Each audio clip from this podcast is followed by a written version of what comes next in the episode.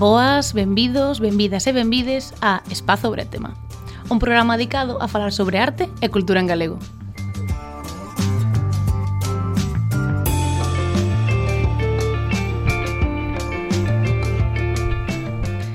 Se sodes ointes habituais de Radio Ames, seguro, seguro que a nosa voz non vos sona. Somos un programa novo que nace rei dun proxecto cultural chamado Espazo Bretema unha asociación que ten como finalidade a difusión de diferentes manifestacións artísticas da terra e o panorama cultural galego.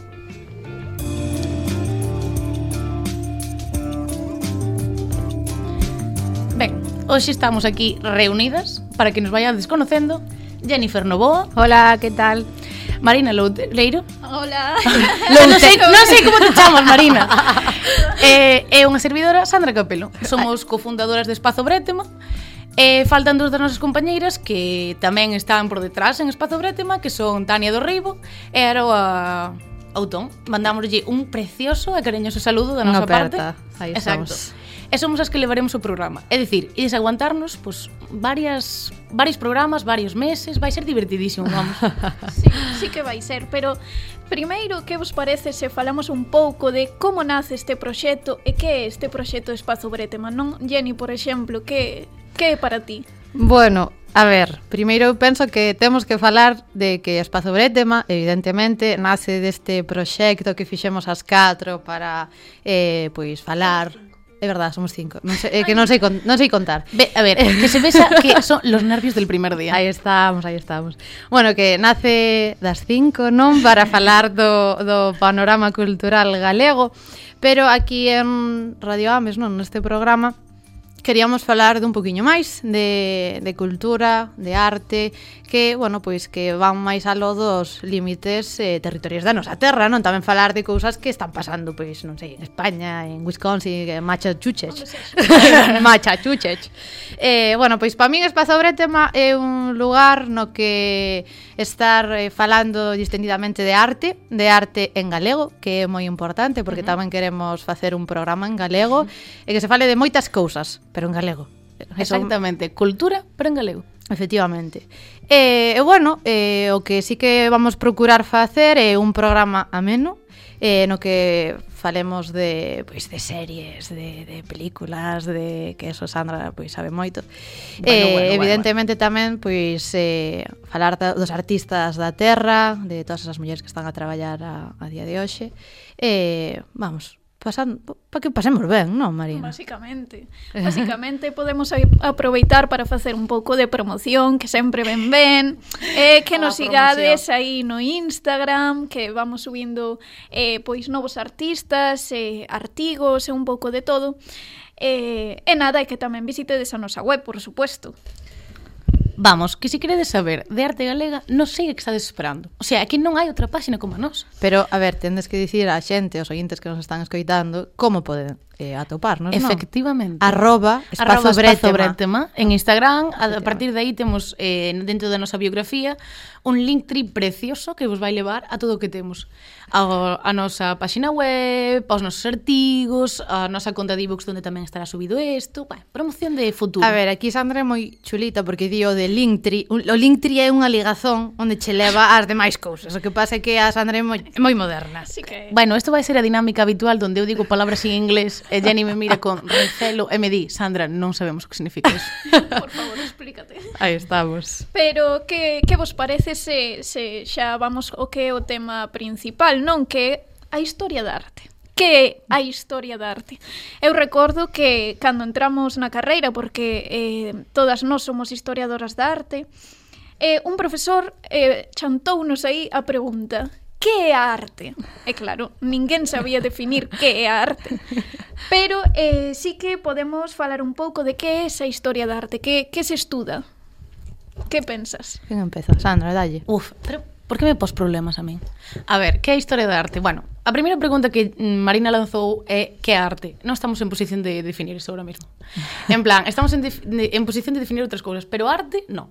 Eh, incluso se é un tema que interesa, podemos tratalo outro día, pero é complexo mm, chegar ao punto de definir o mesmo arte porque ni siquiera se considera o mismo, o sea, non se considera o mismo arte en diferentes etapas da historia.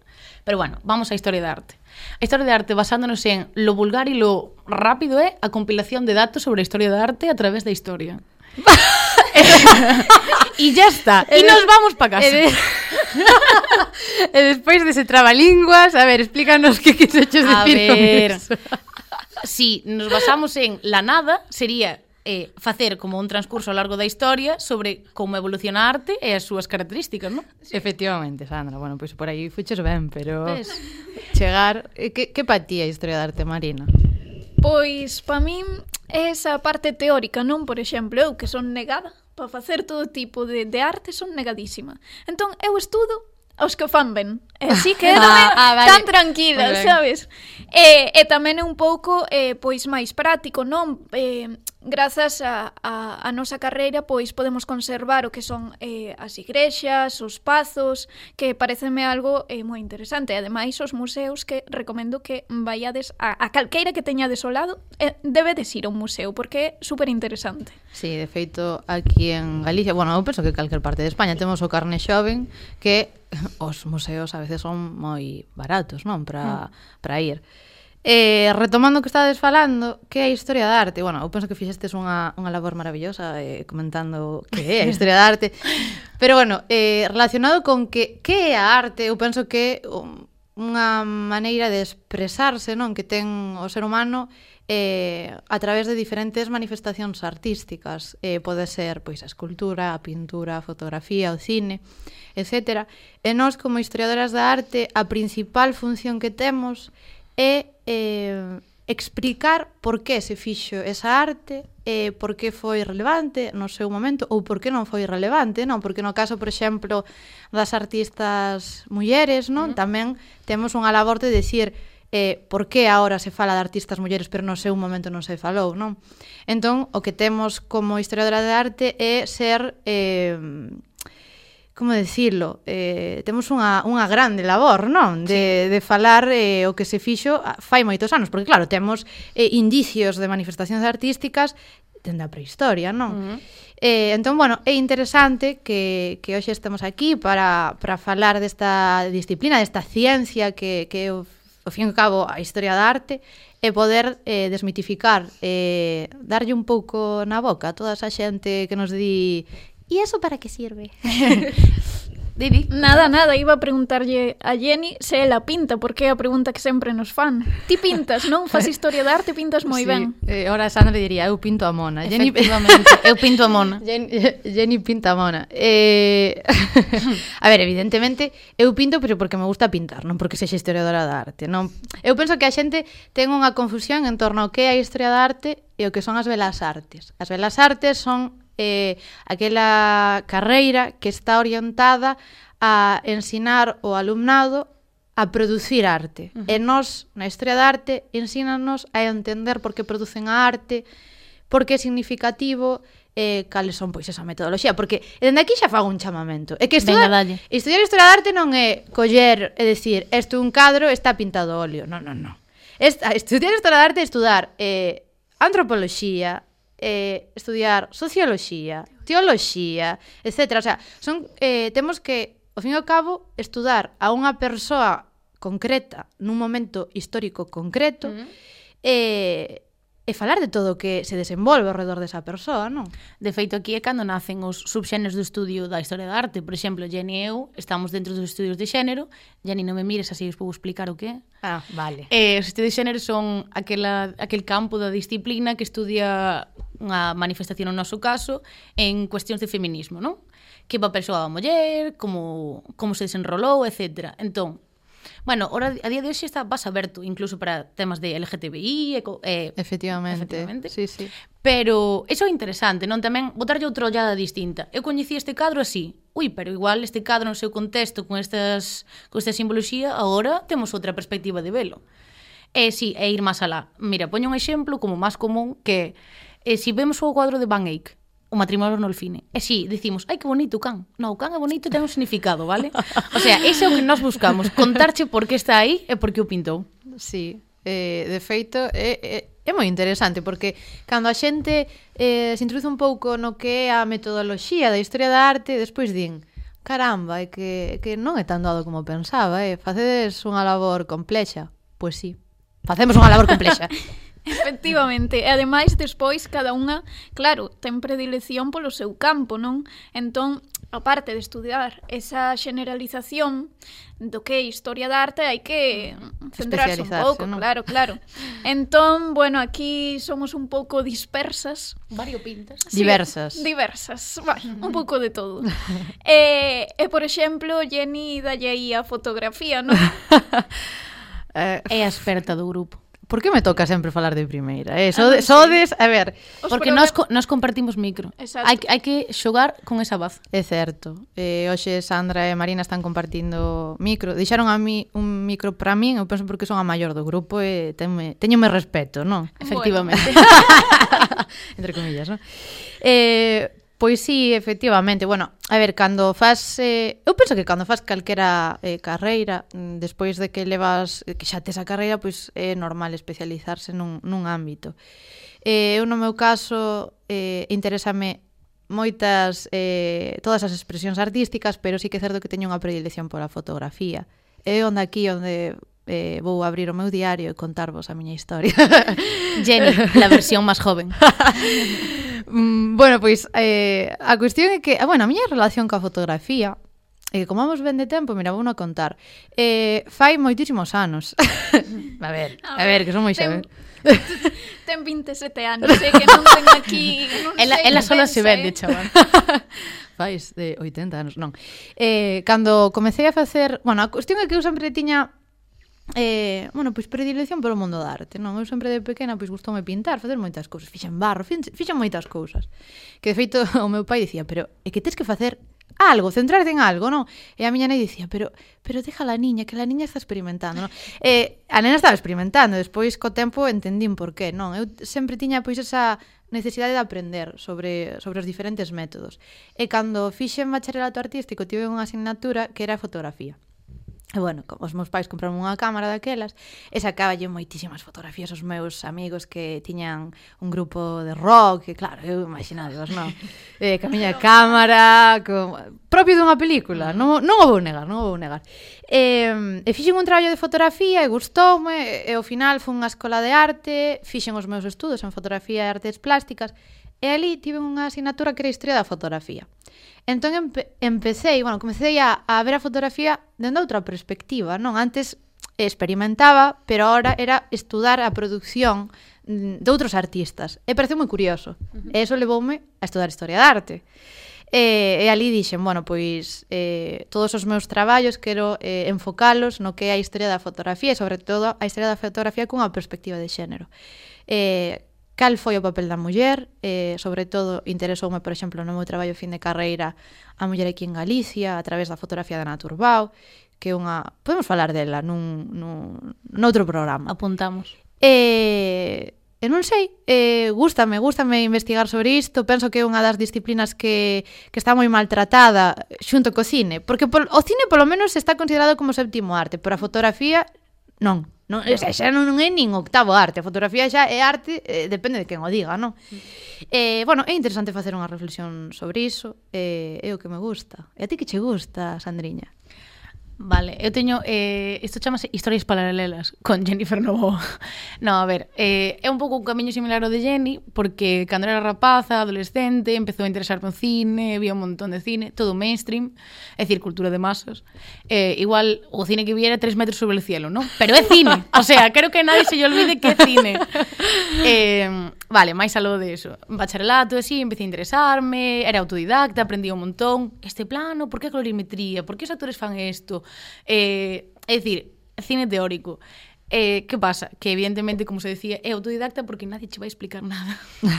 eh, entón, mm, pensei que a miña vida iba a ser eu ser directora de cine. Además, non quixen ser unha cousa pequena, eh? eu non iba a ser a que che coloca as luces. Non, non, iba a ser directora de cine.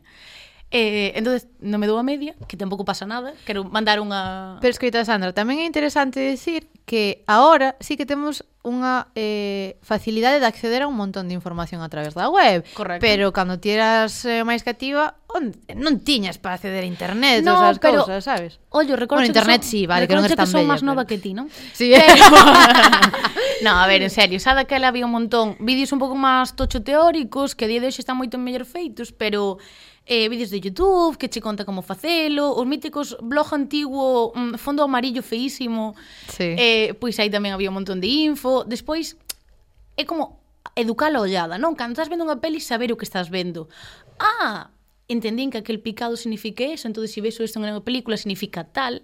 Uh -huh. Entón, pois pues, nada, eh, quixen estudar cine en Madrid, eh, non me daba a media e dixen, bueno, pois pues en casa. Eh, ah. no, que va. Eh, entonces dixen, a ver, se si eu non me podo dedicar prácticamente a isto, tendrá que ser de maneira teórica. Despois descubrín que era o que me gustaba, eh? o sea, non estou amargada na vida.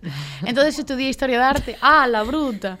Eh, entonces, eh, estudiei Historia da Arte, e eh, descubrín aínda máis, non? Porque hai asignaturas a diferencia de mm, fotografía, sinto moito, sí. Jenny. Bueno. entonces hai varias asignaturas de cine que tampouco é unha cousa que tal.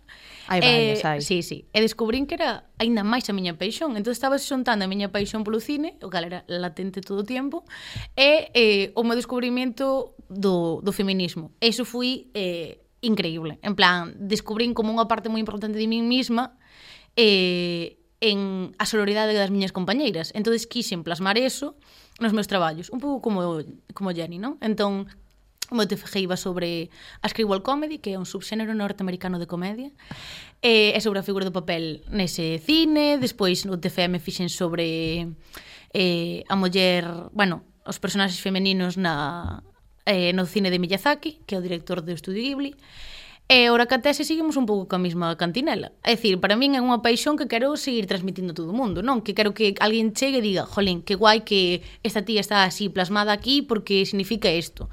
Quero como transmitir esas boas vibras. Eso é moi, é moi interesante. De feito, está a orde do día, non? Mm. Eh, querer falar de... Bueno, revisionar esas producións cinematográficas cunha nova ollada. Que Correcto. é o que aportas ti nos teus traballos. Correcto. Sobre todo porque hai moito moitas veces, se si non se dá esa, esa segunda ollada, non se vai a cambiar nada. Efectivamente. Porque se si seguimos facendo o mesmo contenido que se facía nos 90, non sin, sin insultar aos 90, pero eh, seguiríamos tendo as catro tías estereotipadas que se rían dos chistes dos pavos. E eh, non. Entón, saben, hai que revisionar, a, revisionar o contido e crecer con el, obviamente. Efectivamente. E ti, Marina? A veña, Marina, contanos, contanos. Mira, eu primeiro vou dicir que o contrario que as miñas compañeiras, a asignatura que suspendín moitas veces, bueno, moitas veces. Foi cine na carreira. Eu non na, soportaba na, cine, na. así que eu son aquí um, non sei. Eh, eu, por exemplo, tirei eh, polo mundo sacro, pola arte que ten que ver ca religión, son aquí antiga. Ti eres a maior, pero eu son a máis antiga anticuada. No, no. eh, e nada, porque A min, non sei, de pequena levábanme aí a ver mosteiros, conventos, igrexas, eu dicía, mima, como poden facer isto, non? Como, como naquelas, naquela época podían construir eh, tremendas, eh, bueno, a, a arquitectura non tan poderosa. E tamén chamaban moito atención as figuras, decía, e por que leva isto, e por que leva outros atributos, non? Que, que, que santo é, non? Uh -huh. eh, tamén un pouco ca, ca Semana Santa, que estou moi ligada a ela, que foi o meu TFG, o meu UTFM de, de Ferrol que debe decir, por suposto. e, eh, e nada, entón eu tirei por aí, mm, non sei, é, é un é un mundo que agora está deixándose un pouco de lado, non? Con cas modernidades parece que non se pode seguir estudando eh, todo o que ten que ver ca religión, pero eu penso que eh, a xente non é consciente ás veces de que durante séculos A Igrexa foi a máxima promotora de arte durante séculos e séculos. Entón, eh, temos un montón de obras que veñen de aí e que hai que estudalas e que conservalas. E de feito, eh, non crees que aínda, non, que, que a xente, pois, eso, non sexa creyente, eh, pode estar interesada igualmente nese tipo de arte, non? Ou valorar o que son os entornos pois esos relixiosos con, con outra perspectiva. Claro, claro, eu non digo que a xente para eh, para ter que visitala teña que, que crer, non? Non, non tes que crer. Eh, igual que visitas un pazo, eh, miras a súa arquitectura, visitas unha igrexa e eh, mm. eh, tal. Eh, é como se viaxas a, a outro continente con, con pois, con outra cultura e tal, e interesaste tamén polos seus eh, sitios de culto, non? E accedes a eles, pois eu penso que, que é o mesmo e que debemos ir. De feito, falando de, ui, de cultos, o de espacios, de eh, resignificar, non? Os espacios religiosos, Eh, vénseme a cabeza unha cousa. Eh, bueno, sabedes que a semana pasada eh, o propio Zetangana con Nati Peluso, fixeron eh, un novo tema que se chama Ateo, que é de dicir que se atribuiu solamente a él, pero vamos, que ela tamén tivo aí unha voz cantante, e deixar constancia diso, e fixeron eh, o videoclip na igrexa eh, de Toledo. Na catedral, Na catedral sí. de Toledo, non? Entón, eu dende aquí quero preguntarte a ti, Marina, que eres unha experta en bueno. arte sacro, non? E, e, e ti dis que, que claro, que, bueno, que priman os teus coñecementos tradicionais sobre iso, que pensas ti, eh, non sei, sabes que foi un, eh, foi un, Moi un tema efectivamente debatido. Entón, que opinas ti eh, sobre iso? Se che pareceu ben, se non? Se pensas que, como outra xente, non? Pois que criticaba precisamente que eso, que os espacios de culto pois son para, efectivamente, po culto. culto. Ou Que opinas? Eh, coméntanos. A ver, eu penso que foi impactante porque eh, xa, eh, para empezar, moitas, en moitas igrexas ou moitas catedrales non, non te deixan entrar nin, nin en manga sisas, en tiras. Entón, que de repente mm, deixen fixen gravar un, un videoclip así con, con esos bailes así de bachata tal, eu creo que foi impactante para, para a xente de ali. Pero eu penso que está ben, sin excederse, pero está ben. Sin excederse. Ah, eso, eso era o que estaba buscando con esta pregunta. Sí. Marina está coartada por la religión. un pouco, un pouco. Entón, eu penso que Está ben polo feito de que son eh, do, dous personaxes eh, moi influintes agora mesmo na, na xente xoven especialmente, e que eh, grabando eh, nese lugar, nesa catedral, o videoclip, o que poden facer é atraer a esa xente a ir ali, non a visitar o que falábamos antes. Podes visitalo sen ser creyente, nen nada parecido.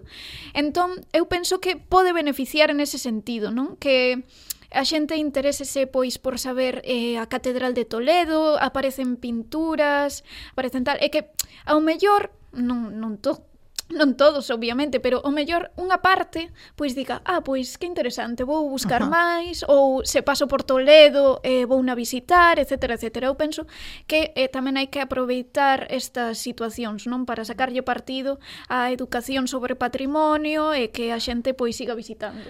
Claro, pero hai que dicir unha cousa, é eh, que aínda que respetemos eso, eh, hai que respetar que si o entorno está facendo un culto, non vos poga, non, non vos poñades a facer unha bachata en medio do culto, sabe? Isto, isto é primordial, eh?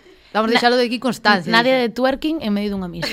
o sea, respeto ante todo sempre, eh? Claro. A ver, é que eu creo, eh, seguindo a estela de o increíble comentario de Marina, creo que mentras non se interrompa un culto en concreto, ti non vais facer nada nun momento no que se este dando misa ou ese tipo de eh, accións, pero polo demais eu creo que hai que tratalo como un edificio plural. Se ti podes gravar en outros sitios, que tamén podes gravar non a igrexa. Por que digo isto? Porque é unha, un medio para acercalo.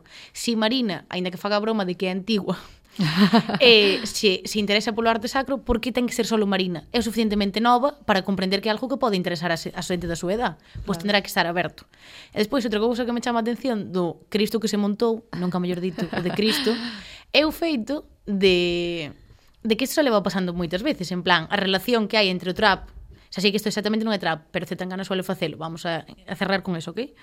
Entre o trap e a, as, a imaxinería cristiana é común. De feito, en cancións anteriores como Demasiadas Mujeres, sale Z Tangana confesándose. Que máis había? Unha marcha procesional. Unha marcha procesional. É dicir, estás elevando moito ao mainstream a cultura, bueno, todo o que ten que ver con unha cultura máis cristiana. Sí, non, dende logo que sí, a ver, a min gustame moito falar deste tema porque sabedes que a mi Zetangana non me gusta. A ver, eh, quero dicir, a ver, vamos a ver. Así como sí que me gusta Sati Peluso, non sei, gústame, el non me gusta. Eh, bueno dicir así, clarísimamente. Agora é cando nos baixan todos os seguidores en Espazo Bretma no Instagram. No, por favor. Non escoitan o programa. A mí gusta, a mí gusta. ah, vale. Bueno, a mí non me gusta, pero sí que é certo que eu respeto que estes espazos sí que se utilizan para facer novas cousas. Eu penso que eh, o momento, non? De que se resignifique... Non resignificar, porque evidentemente se, se o espazo está dedicado ao culto, eh, non llevamos a cambiar esa función Vale, xa me ah, está Marina en plan, Jenny, cállate la boquita. Pero sí que é interesante que se fagan este tipo de cousas, sobre todo eh, que se lle dé tan impor tanta importancia o que o monumento, como no vídeo, non? Hai cousas no vídeo que me gustaron, outras non, pero unha das que me gustou foi eh, o especial interese que se lle fai ás pinturas do interior Exacto. da Catedral de Toledo, porque son moi interesantes. De feito, a portada do disco, bueno, do single este de Ateo, sí. eh, ten a, a pintura. E E bueno, eso sí que che pode dar a, a investigar, a, habrá xente que, que dirá, bueno, pois unha localidade máis, que bonito, unha pintura, vale. Pero habrá outra xente que diga, pois vamos a analizar isto, e como, eh, como esta nova cultura, non podemos chamalo así, musical, sí. se está introducindo eh, nese carácter máis tradicional, non? Da, da tradición. Eh, é algo que se pode analizar, eso, dende logo. Sí, pero sempre, eh, repito, sempre todo con respeto, claro. Sí, a ver, vamos a ver eu penso tamén que o vídeo non era irrespetuoso, eh? Non, non, pero... O sea, eu penso que, que pode ser cre... o sea, creyente e eh, bailar unha bachata ao mesmo tempo. Sí, claro. Home, eu cando vou ás discotecas bailo igual, eh? Non pasa nada. Claro, claro a miña pregunta aquí para ti, Marina, é Hala. Donde está o límite? É unha pregunta super interesante, eh, acaba de salirme así de dentro. Cal é o límite do respeto? O sea, pero, totalmente en serio, eh? Me refiero... Eh, o edificio alberga unhas imaxes e alberga toda unha imaxinería que eu entendo que sei onde está falo desde atea, non só pola canción atea de verdade Entón, Soy ateo, pero ahora creo. Entón, falo desde ese, esa posición. Entón, para min é unha pregunta importante no sentido de cando eu estou rozando a ser irrespetuosa, cando teño que moderarme en que facer ou que non facer cara a, unha, cara a un público que quizás si sinta unha devoción máis ferviente polo tema. Eu penso que a traducción do que acaba de dicir Sandra é como temos que facer para iron á igrexa respetuosamente fa, respetuosamente, vamos, non? Vos... Que que facemos? Solo me creades problemas, eh, me sí. cago en... Pero, a ver, eu penso, así rapidamente, que eh, para empezar hai que respetar as normas que, que, que impoñen pois cada sitio. O, esto de as vestimentas se, se é irrespetuoso ir eh, vestido pois en manga en tiras, pois non se vai porque a, o mellor pois en outras culturas mandante ir máis tapado, mandante ir con outras prendas e ti respeta se si vas si vas por ali pois aquí igual, non porque este aquí hai que deixar de respetalo. E despois, eh, bueno, saber comportarse, non interrompir un, un culto, obviamente. Uh -huh. Eh, non es que é moi complicado non facer non facer gestos obscenos. Refíreme a nivel cultura. Sí, pero es que a nivel cultura gestos obscenos. Ana, ana, analicemos eso, Marina. A ver, gestos obscenos. Ver, por Dios, Marina, no me Non sei, pero uf, Bueno, sorprenderíate. Eh. É a de xente que vai gritando por aí como se fora a súa casa tamén, eh, non. Xa, xa te eh, entendemos. Eh, a nivel cultura, non, non, non non comprendo. Claro, non comprendo. en plan, cal, eh, é obsceno que fixo Zetangana con Nati Pelusi é miña pregunta. En plan, entendo como os códigos de os códigos sociales que me conleva a ir á igrexa, entón, vale, iso podo respetalo, pero si Nati Peluso, bellísima artista, me lle dá a bailar unha rica bachata, iso parecenos mal. Home, pois se non tes o permiso do deán ou do ah, obispo, pois obviamente non non podes ir ti ali a bailar cando queiras. A ver, ou ou si, ou si. Estaría feo, non? Non, pero, pero os horarios. Eu penso que está, claro, os horarios de apertura, se non hai culto, home, mentre sacas unha foto, nadie chiquita de que moves un bueno, pouco para un lado para outro. Está un pouco feo, a ver, eu sigo pensando que está un pouco feo, pero non, eu penso que neste caso o videoclip foi bastante respetuoso cando estuvo no interior, e non, non tivo nada máis alá, eu creo que foi mm, unha polémica igual demasiado grande, non para Pero Era bueno, visto tamén, eh. entendo, eh? non sei, entendo, entendo a molestia dos, bueno, dos devotos e, e pero pero non sei, casi é un non tema chegar tan complicado a presinarse despois, facer un, claro. un padre nuestro despois para quitar o impuro, non, a esa impureza, non, que, que, que deixaron aí Zetangana na tipo iluso no interior da igrexa. En realidad todo é marketing, isto fixo Zetangana. O sea, eh, toda esa parte... Era, ah, vale, a xente que puxo as velas e todo era a familia de Zetangana. Exacto, era Zetangana que foi ali e dixo, os vais a cagar. Entonces tirou con eso. Eh, eu, eu penso que, que nada, que, que miredes o videoclip que está moi ben, home, que hai que disfrutar, podes ser creyente e, e conservar ben o patrimonio e todo. Eu creo que podemos convivir con todo un pouco, non? Efectivamente. Bueno, eh, a verdade é que eu penso que este tema da historia da arte xa, xa nos deu eh, para moito, que, que eu penso que podemos ir falando eh, ao longo destes, destes programas que fagamos, seguramente que alguna, alguna crítica seguramente que nos saca, non? Por exemplo, o típico veciño que che di e que estudias, nena? A min dime eso, o meu veciño, espero non me escoite. Eu, di, eu digo, lle, pois estudo historia e ábrense os ollos, sabes, en plan, que estudia isto del arte, bum, decepción. Decepción.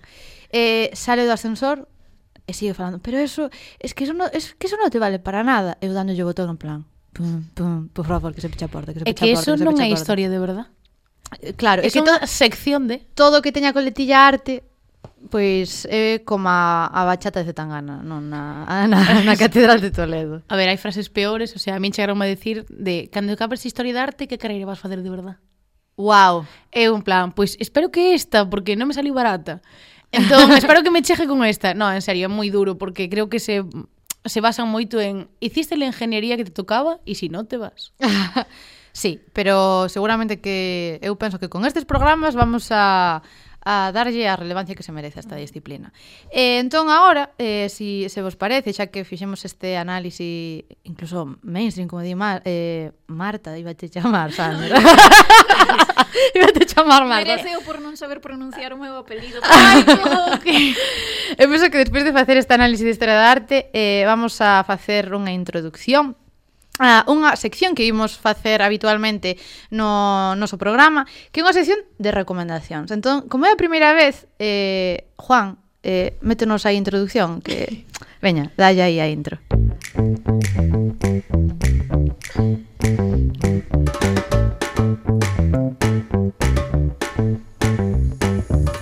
Bueno, eh, como iba dicindo, isto é unha sección de recomendacións. Como dicíamos, o... Pri... Bueno, na primeira parte do programa estábamos falando de que Espazo Bretema, aparte de que, bueno, pois parte de falar da cultura e da arte eh, de Galicia tamén, o importante que queremos facer neste, neste programa, sobre todo, é estender un pouquiño máis os límites da nosa terra, non? Pois falar das series que se están vendo agora, das películas, de libros, que non teñen por que estar feitos aquí en Galicia, pero sí que teremos como fío conductor o que a nosa lingua, non? Que iso é importante, facer contido na nosa lingua e que e que eso, que lle demos a importancia que se merece. Entón, bueno, eh, imos empezar por ti, Marina. Veña, pois, eh, veña. dinos as cousas que crees que os nosos ointes non se pode perder este mes. O que queiras. Pois a ver, eu como son, eh, como he dicho, eh, la, la así a máis eh, diferente de aquí a que vai polo antigo, veño aquí cun libro que relacionado co, co tema que falamos hoy eh, hoxe é a historia é sobre a historia da arte pero dunha forma distendida. Eso non estaba en mi libro Historia del Arte de Manuel Jesús Roldán que eh, está moi ben porque fala de aspectos pois de toda a historia da arte pero eh, dunha maneira mm, máis para entendelo, non? Sen ser tan tan teórico, mostra pois as mulleres artistas, mostra eh, esos estereotipos, non? De cando... Mm, se di, eh, os artistas están tolos, son suicidas, eh, son agresivos. Beben non? absenta. Eso se dices, artistas, sí, sí, joder. Sí, sí. Tú nos lo trec todo el rato. eh, E nada, eu penso que é un libro moi interesante que se queres pois empezar un pouco neste mundillo, pois é bastante ameno. E, eh, eh, bueno, está Pero, ben. Marina, se non hai a cámara É que, pa xente que nos a está ver. escoitando Este programa estás a gravar Porque despois claro. iremos subir a, a, a, al Youtube Entón, si non, aí E Marina ver, é eh, tan... é, eh, ma, espera un momento que nos choi. Ah, e Marina é tan increíble que trouxe o libro físicamente. Aí estamos, Marina. Eu fago aquí promoción, fago así, estou movendo ah, o libro. Se queredes contratar a Marina para que ensine cousas, Eh, pois calquer cousa, eh? Moi ben, Marina. Eh, Continúa. Nada, eh, algo máis diferente é o Mercado Galego de Creatividade que está aquí en Santiago de Compostela na rúa Caldeirería, que nombre tan complicado, la verdad. Eh, nada, eh, é un mercado que está formado por eh, diferentes artesáns de Galicia. Ajá. Entón, pois ten obras, pois ten xollería, ten textil, ten figuriñas de madeira, ten un pouco de todo, non? Eu penso que é unha moi boa opción para eh, mercar no comercio local, non? Son obras artesanais que, que son moi interesantes, non? De feito, isto é eh eh, incítame a decir que quizáis no seguinte programa podemos facer, xa que se vai a, eh, achegando o Nadal, podemos facer eh, un, unha sección eh, cunha musiquiña nova, non sei, bueno, teño que pensalo. Eh, falando deste tipo de cousas, non? En plan de compra local, eh, bueno, ideas para Nadal, non? Dixo teño que pensalo, porque ora o programa é de Jennifer Novoa. Jenny, ver, se un novo programa. A min deuseme unha responsabilidade, que era cal buscar a música para a sección. Busqueina? Sí. Efectivamente. Vou, vou te sorprender po seguinte tamén. Efectivamente, de feito hubo varios varias cancións e dixemos a mellor será as que elija Jenny. Aí estamos. Algo máis, eh, Mariana? Nada, eh, volvendo a Jenny, que aquí a cómica é Sandra, como se non o bichedes. eh, sí que eh, podíamos facer algo así porque eh, eu penso que neste ano que volvemos a ter unhas navidades máis ou menos correntes efectivamente que é mellor que regalar eh, aos nosos amigos, aos nosos parentes eh, algo diferente. Non, sí. non hai roupa de Inditex ou algo así. Eu penso que estaría ben pois algo pois máis novedoso, máis artesanal e axudar o mercado local, non? Pareceme estupendo. Aparte, aquí en concreto en Ames hai che boas, ah, boas tendas para comprar cousas, eh? Sí. Supoño que sí, claro. Eh, comercio de proximidade. Claro que sí. é que vamos a ver, en todos os lugares locales hai tendas. Búsquenas. Non vayades o fácil, vale? Veña, tá logo. Perfecto. vale, ahora vou vos contar as miñas recomendacións. Xa aviso agora para o que resta de vida de que o máis probable que sean todo audiovisual, vale? Que consumo, raro. consumo outras cousas, é moi probable. Non, que sí, que consumo outras cousas. Pero mm, é o que me toca. Ademais, ahora tiñen que facer un revisionado de 357 animes para a miña tese, entonces imaginade cantas cousas audiovisuais vexo. Pero, Sandriña, escoita un momento. Seguramente que moita xente que nos está escoitando é xente maior que igual non sabe o que é un anime. É que non ten outra palabra. A ver, Vale. vamos a ver, Sandra Anime es la animación japonesa. Aí estamos, grazas e, e, e a nosa aboa e a avó de confianza dirános Grazas rapazas Podemos ir por eh, o no, eh, un nombre a nosa abuela de confianza. Podes chamar Charo. Vale Charo.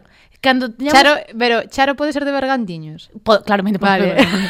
eh, a partir de cando non entendamos algo, pensaremos en Charo, diremos, pa Charo, tío. Vale, perfecto. Ben. ben, primeiro empezo con unha, tío, vou dicir unha palabra en inglés outra vez. Dalle, Sandra. Eh, eh, vou empezar con unha sitcom. Que é unha sitcom? Alto. É unha comedia de situación. É eh, unha comedia de situación é, eh, por exemplo, vamos a poder simplificar con Friends, eh, é aquela na que ten os personaxes fixos, en uns lugares fixos, e, e se desarrolla de maneira... Um, O sea, a comedia se desarrolla sempre nos mesmos espacios. Por exemplo, Friends no piso barra na cafetería. Big Bang Theory nas, nos piso e máis... Eh, Jennifer me como, tranquila, todo vai ir ben. Claro. Eh, eh, como se chama? Na cafetería... Digo, no. Ah, no... Claro, que non sei... Ah, de, de Big Bang Theory. Aí estamos, Sandra. Eh, vale, eso. Eh, no piso deles. Entón, En eso consiste, ben, entón o que veño a traer é What We Do in the Shadows, que é unha serie de 2016 cara hoxe, non rematou. De feito, sai a semana que ven o último capítulo da terceira temporada e podeles encontrar en HBO e Hulu. Hulu entendo que aquí é menos común. Así que entonces Bueno, que... ahora sí que se está introducindo sí. bastante, sí. Bueno, eh, en fin, HBO, vamos polo de pronto, pero tedes a, eu o leí. Entón, en que consiste Where We Do in the Shadows? Vai sobre catro vampiros. Traducción de, do ah, título, por favor. Eh, lo que hacemos en las sombras, pero Perfecto. que incluso creo que tens que buscalo en inglés porque como sabe. Ajá, vale, o sea, que non hai esa alternativa en Creo español. que sí que podes buscalo, pero creo que nin siquiera se basa Perfecto. moito na búsqueda. Vale, vale. Por eso, por eso estou sonando pedante sin querelo. Non está sendo pedante. Eh, vale. Oye, Marina, Demostra, demóstranos o teu inglés, Gracias. Sandra. Eh, Marina Tampón do cara de La verdad es que non, Sandra. eh, vale, a serie vai sobre catro vampiros eh, que son de diferentes épocas, do siglo XIX, algún da actualidade, outros eh, pues, do Imperio Otomano, etc. O sea, abren como varias épocas. É interesante que todos conviven na mesma casa e eh, teñen que relacionarse co mundo exterior contemporáneo. Entón, Ajá. eh, moitos deles teñen capacidades bastante baixas de socialización. Entón, eh, o interesante non é só iso, sino que é unha moi boa comedia negra, non é moi dura no sentido de tranquilos, non hai nada tan grave como que non poder ver en horario infantil. Efectivamente. Pero eh Perfecto pasa main, vamos. Efectivamente. Vale. Pero está super guai, é unha comedia moi áxil, é unha comedia que sabe resolver moi ben as situacións e ademais diso eh é a medida que ves moitos capítulos sin querer, que aunque te queres dar cuenta, sabiches media serie sola. Eh, pareceme moi interesante para, bueno, para esta época, como di Jenny. En plan, podes empezala que evidentemente non é a mellor película de, de vampiros. No, porque Jenny tendrá outra opinión sobre este tema. Mm, grazas por darme este espazo para eh, manifestar que intentarei ver esa serie, pero dudo que supere a Robert Pattinson en Crepúsculo. Xa está, xa o dixo.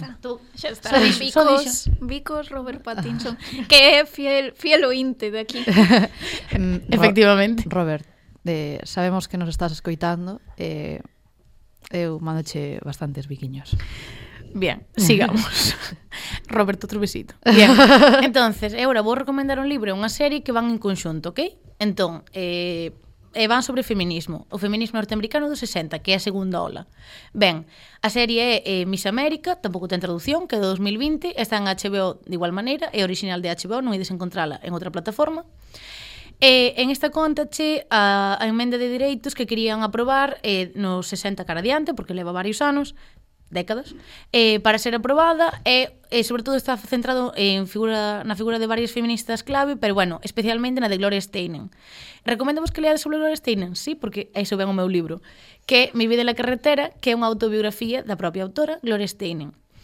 Recoméndovos que fagades ese camiño exacto, que primeiro deixadela serie porque é unha maneira liviana de comezar, vas a coñecer distintas feministas, vas ver con quen te sintes máis identificada, máis ou menos, así pouco a pouco. Entón, acabarás fascinada ca figura de Gloria, entón querrás ler a súa autobiografía. É un libro moi sinxelo de ler, vas a sentirte super cómodo, vas a aprender, e sobre todo, o interesante, tal e como o seu título indica, é Mi vida en la carretera porque ela viaxaba falando sobre feminismo ao longo do, de Estados Unidos. Entón, ti tamén vas ver como as necesidades de cada sitio, podes te sentir identificada, podes ver eh, que as túas inquietudes son as inquietudes de outras moitas mulleres.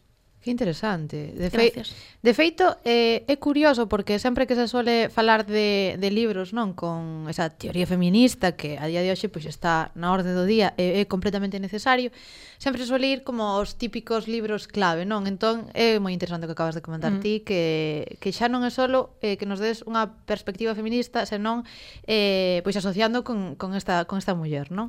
Entón, recapitulando, eh, Marina, eh, o teu libro era Historia del arte... No, eso non estaba en mi libro Historia del eso arte. Eso non estaba en mi libro Historia del arte. Sandra, o teu libro era...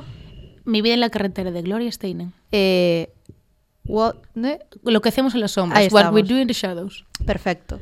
Igualmen, de igual maneira, pois, deixarémolo... Cando subamos estas cousas, deixarémolo apuntadiño abaixo, non? Efectivamente, sí. Eh, faremos unha anotación de todo. Dalle, Jenny, que estás deseando decir as túas?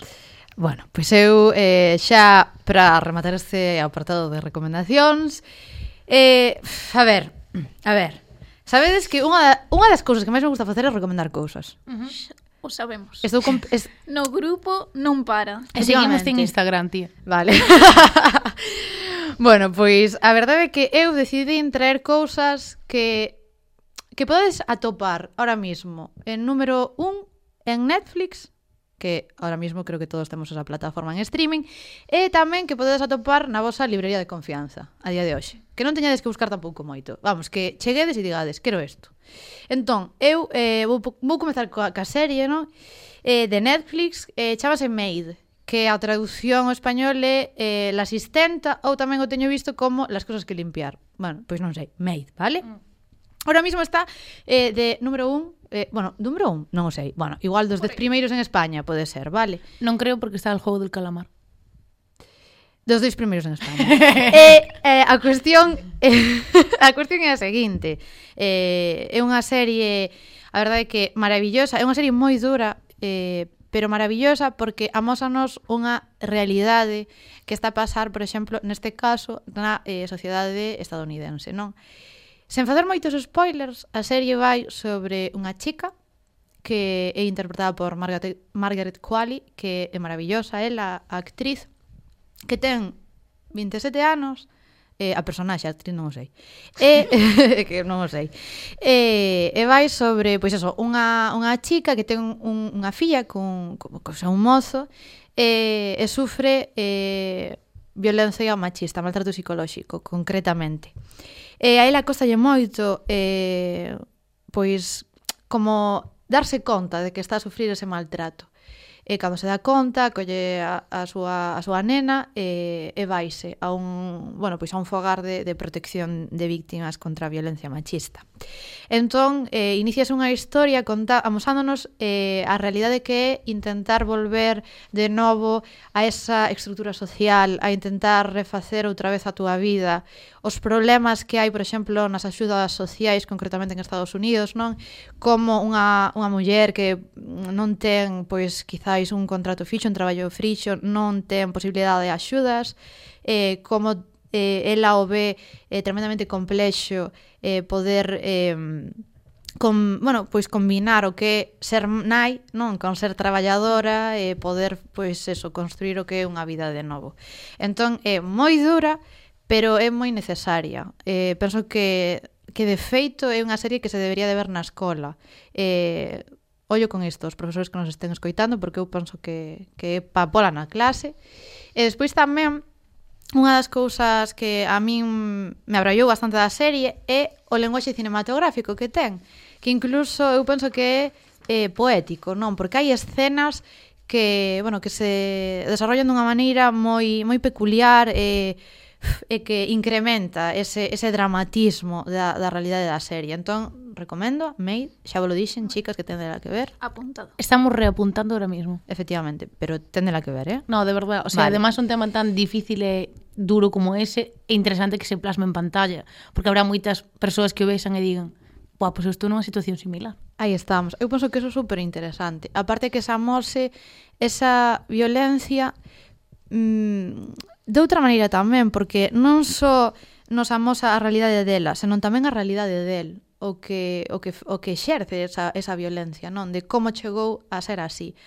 Mm, tampouco intenta xustificalo, pero bueno, penso que tamén é interesante. E tamén que se fale de, dunha realidade tamén dunha, dunha rapaza nova, non só asociar pois esa violencia tamén a xente pois con máis vida, etc. É interesante.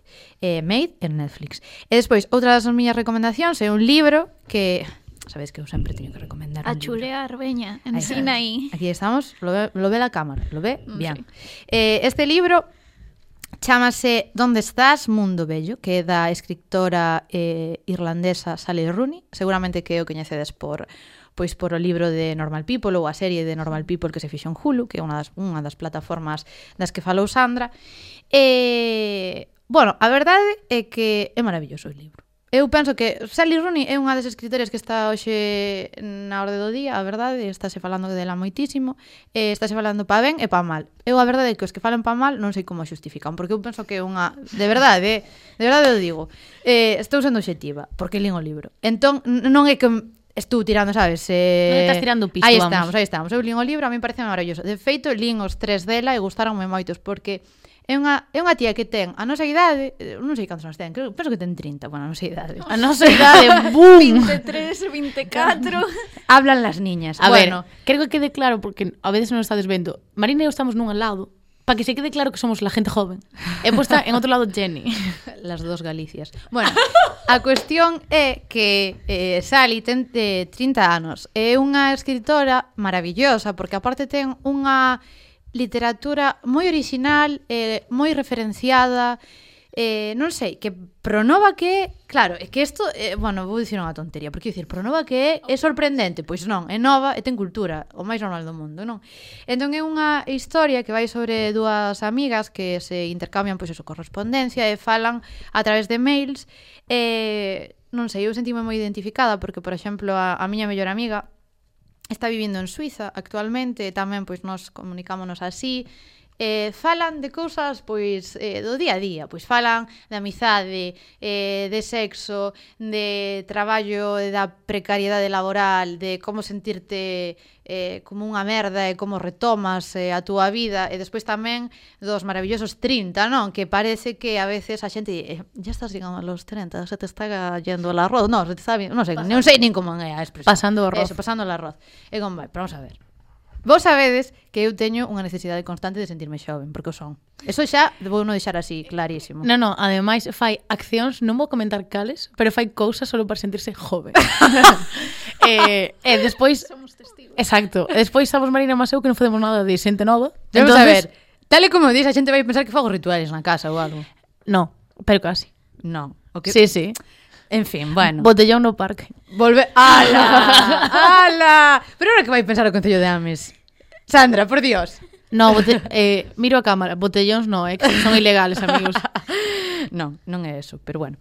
Ah, bueno, é un libro bastante eh, chulo, a verdade, para ler eh, moi moi ameno e eh, que podedes atopar ahora mismo penso que en todas as librerías nas vosas librerías de confianza pois aí atendes. E despois, xa para acabar o de recomendacións, vou recomendar un artista galega, porque Espazo Bretema. Trata disso. Efectivamente. Eh, vou recomendar a conta en Instagram de Minia, que se chama Estudio Variopinto, en Instagram. É unha artista que se adica a facer bordados, eh, en bastidores, con fotografía, etc. De feito, foi unha das ganadoras de versión a Thyssen dun concurso que fixo o Museo Thyssen de Madrid E tamén ten un curso en, en curso, non, cursera, non, como se chama? Mm. En creativo, algo así. Sí, mm, no, da igual. Bueno, un curso. Xa, xa o buscaremos e xa o poremos por aí. En Domestica, acabamos de acordar, Domestica.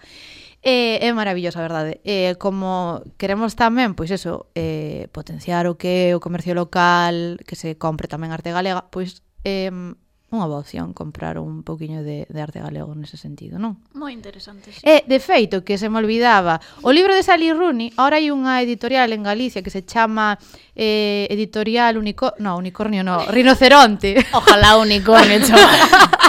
editorial Rinoceronte, que están a traducir os libros de Sally Rooney en galego. Así que agora xa podedes eh, buscar o vosso libro de Xente Normal de Sally Rooney. Isto é moi interesante, eh? De feito, é tan interesante que nos enlaza con outro tema do cal non temos tempo para falar. Sí que temos tempo para falar. Vas nos regalar, Juan, un minutiño ou dous máis? Ui, regalarnos poucos, entonces a, a toda leche vamos a ir. No, pero sí que entra, sí que... Eh, vale, bien. Eh, esto lévanos que, si se traducen libros, hai que traducir outras cousas mis cosas, o audiovisual. É dicir, a día de hoxe seguramente se saides ás rúas, se vedes en redes sociais, que hai unha pequena iniciativa, bueno, pequena non, gran iniciativa por parte da Mesa de Normalización Lingüística que eh, crear crear dobraxes barra subtítulos en galego. Porque vou usar un dato horrible, que é que só existen mm, dúas producións audiovisuais en galego en Netflix. E as dúas son porque son da TVG e as compraron. E, entonces son O sabor das margaridas, que é unha serie, e Ons, que está como fai unha semana, algo así, unha semana posto. Iso quer dicir que A, nin siquiera se crea en galego se non é pola televisión autonómica, B, e tampouco creo moito, B, non se dobra nada, e C, non se substitula nada. De feito, se non teño eu males acordos, non máis fai unha tempada, empezou como ese camiño a poñer os títulos en galego, pero creo que non lle salía rentable, o cal é totalmente lícito, me refiero, non estamos culpando a Noumex, pero que se estaba intentando facer esta pequena iniciativa e creo que nin chegou a sair moi adiante, informareime. Entón, que nos que invitamos desde aquí? A que mm, tamén poñades o vosso graniño de arena En plan, que, mm, que, que busquedes para reclamar que haya máis contido en galego, porque nós estamos moi a favor desto, sobre todo porque queremos seguir vendo o Detective Conan en galego.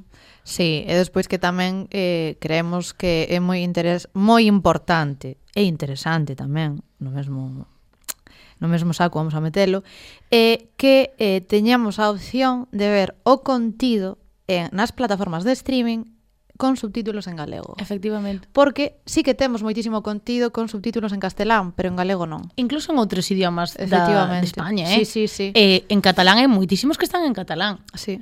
E, eh, de feito, eh, a iniciativa que empezaba todo isto, que supoño que algún afirmaría, sí. era de facer unha canle, unha segunda canle para a TVG, eh, en realidad sería a terceira, porque ten outra, pero bueno, eh, que para poñer os debuxos da, do Xabarín Club.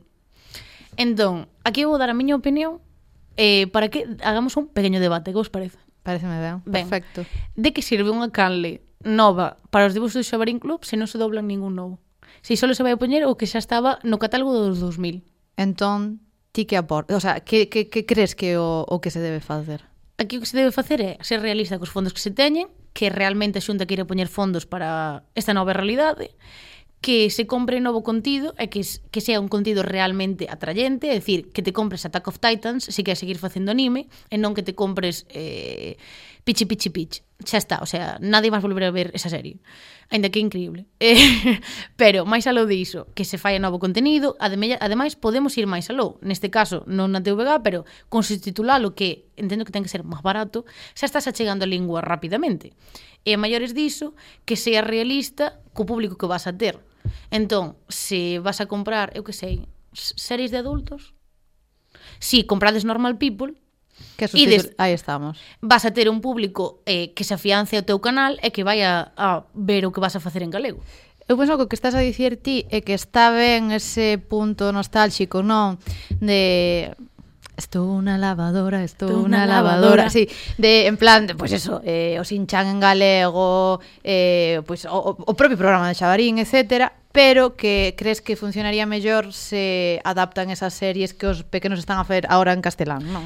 E que senón, cal é o teu público? Os catro nostálxicos que queren ver claro. os capítulos tritipitidos de Gato Can? Non, se tes toda a razón do mundo, é certo. E despois, por exemplo, ti, Marina, ti consumirías, por exemplo, non sei, en Netflix, vale? Eh, ahora poñenche El Juego del Calamar, verías o Juego del Calamar en galego? Ou con subtítulos en galego? Eh, eu vería en galego, máis ben. Ajá. Porque eu son unha vaga Eh, Está ben dicilo. Eu, eu sento-me aí no sofá ou tiro-me na cama, eu quero disfrutar, entón non quero ler as cousas como son. Eu chanto-me aí e, e gustaríame oílo, oílo en galego, non? Eu penso que, que é moi importante, pois que, sobre todo as series que teñen tanto éxito, que poidan eh, ser, pois, eh, dobradas ou, ou subtituladas. E cada, cada un poda escoller, non? O que quere. Eu penso que, que é o importante. E quero dicir que non, non só os debuxos deben ser traducidos, no, eh, é que eu vía moito as novelas. Gata ah. salvaxe, Camiña boa. e seguro que se lle pon, se lle pondes aí as novelas estas turcas, Ai. Todas as aboas ponse, ponse a ver eso, eh? Na galega. Sí, eso, sí, eso é interesante. Miña nai e miña irmán están enganchadísimas ás novelas turcas e se chas poñen en gallego fliparías, eh? Ora mismo é un boom que están desaproveitando. Pero eu penso tamén que temos que facer unha reflexión de por que pedimos isto, non? Porque Habrá xente que diga, bueno, eh, xa están acercándose contido en castelán, non? Por que eh, pedimos o contido en galego? Eu penso, eh, personalmente, que é interesante que se, que, que se faga este contido non só en galego, se non se fai o contido en galego, que se faga os subtítulos en galego para darlle a importancia que ten a nosa lingua e para preservala, non? Para dar a esa opción, porque eh, aínda que o de Masterchef diga que o galego eh, é un dialecto, xa lle digo dende aquí que non, que é un idioma. Vale, entón, como idioma tamén ten que estar en Netflix, non? Se está o catalán, o galego tamén ten ten que estar. Efectivamente, efectivamente. Ademais, o interesante que... Besos para Jorge, se llama. Eh, de Masterchef. Eh, Jordi Cruz. Eh, Jordi Cruz el bueno e Jordi Cruz el malo. Ah, vale. o malo é o, de mas, é o do Masterchef e o bo é o do Art Attack. Ah, pois pues, ento, viquiños pro de Art Attack, eh? Efectivamente. Viquiños pa E creo que e creo considero que é super importante normalizar en todas as vías o galego, é dicir, que non só sirva para a comunicación entre eu e a miña compañeira, que sirva para velo, para fer, para a burocracia, para ir a un xulgado, para ir ao médico... Si non se normaliza en todas as áreas, o galego morre. Porque as linguas son vehículos de expresión e se non te podes expresar en todos os, en todos os ámbitos non sirve de absolutamente nada. Isto que acabas de dicir é fermoso, é de feito, sírveme para ir pechando xa o programa e facer unha última reflexión. É que dende Espazo Bretema queremos preservar o arte que se fai aquí en Galicia, pero sobre todo queremos preservar a nosa lingua, porque a nosa lingua forma parte da nosa identidade cultural. E, e dende aquí, dende o noso programa, o que vamos facer é to divulgar todo o que se poda en galego. E, como xa vamos eh, a rematar, e tócame a min despedir o programa, porque así a directora o quixo, o sea, Sandra, eh, Ole. vou comezar a, a, a decirvos que moitas grazas, que moitas grazas por escoitarnos, eh, escoitarédenos eh, unha vez ao mes, polo menos. Eh, podremos subir isto a YouTube porque estamos grabando, así que vamos a saludar a cámara ahora mismo. Eh, moitas grazas ao Concello de Ames por deixarnos este espazo, a Juan, que é o noso técnico aí de sonido que nos está vendo rindo eh, con nós, e, eh, bueno, pois tamén eh, grazas a, a, a Robert Pattinson. Voulle mandar uns biquiños desde aquí, vale? Ei, non, non, espera, espera, espera, espera. espera. Ti podes mandar biquiños ao final e nos no? Facemos unha sección de biquiños. Vale, o sea, veña. Ahora mismo aquí e agora Vai haber vale. unha sección de biquiños Vale, veña, Sandra vale. A quen lle mandas biquiños? Bien, eh, Marina está se descojonando Vale, eu quero lle mandar biquiños A miña compañeira de piso, Mary Porque se si non fora por ela Non escoitaría K-pop E non tendría conversacións tan increíbles como teño Vamos E a ti, Marina, mandas lle alguén? Eh, sí Vou mandar o meu mozo que olvidaime do seu cumpleanos o ano pasado, así que Miguel, sinto que teñas unha moza como eu. Viquiños. Moi ben. Pois eu eh, xa mandei viquiños antes, pero Deixamos outra vez. vale, pois voulle mandar viquiños a, a Galloso. Vou mandar que mitiños a Galloso porque a ver se nos fan unha sección de Espazo Brete mal no luar. Ah, eh, eu penso que é unha boa opción de levar a xente xoven e eh, botarnos unhas risas. Así que, bueno, moitas grazas por escoitarnos. Vémonos o mes que ven en sí. Radio Ames, eh, nas plataformas eh, virtuais. Eh, moitas grazas a Sandra e a Marina por estar comigo xa aquí. Ata logo, guiño. Adiós. Adiós.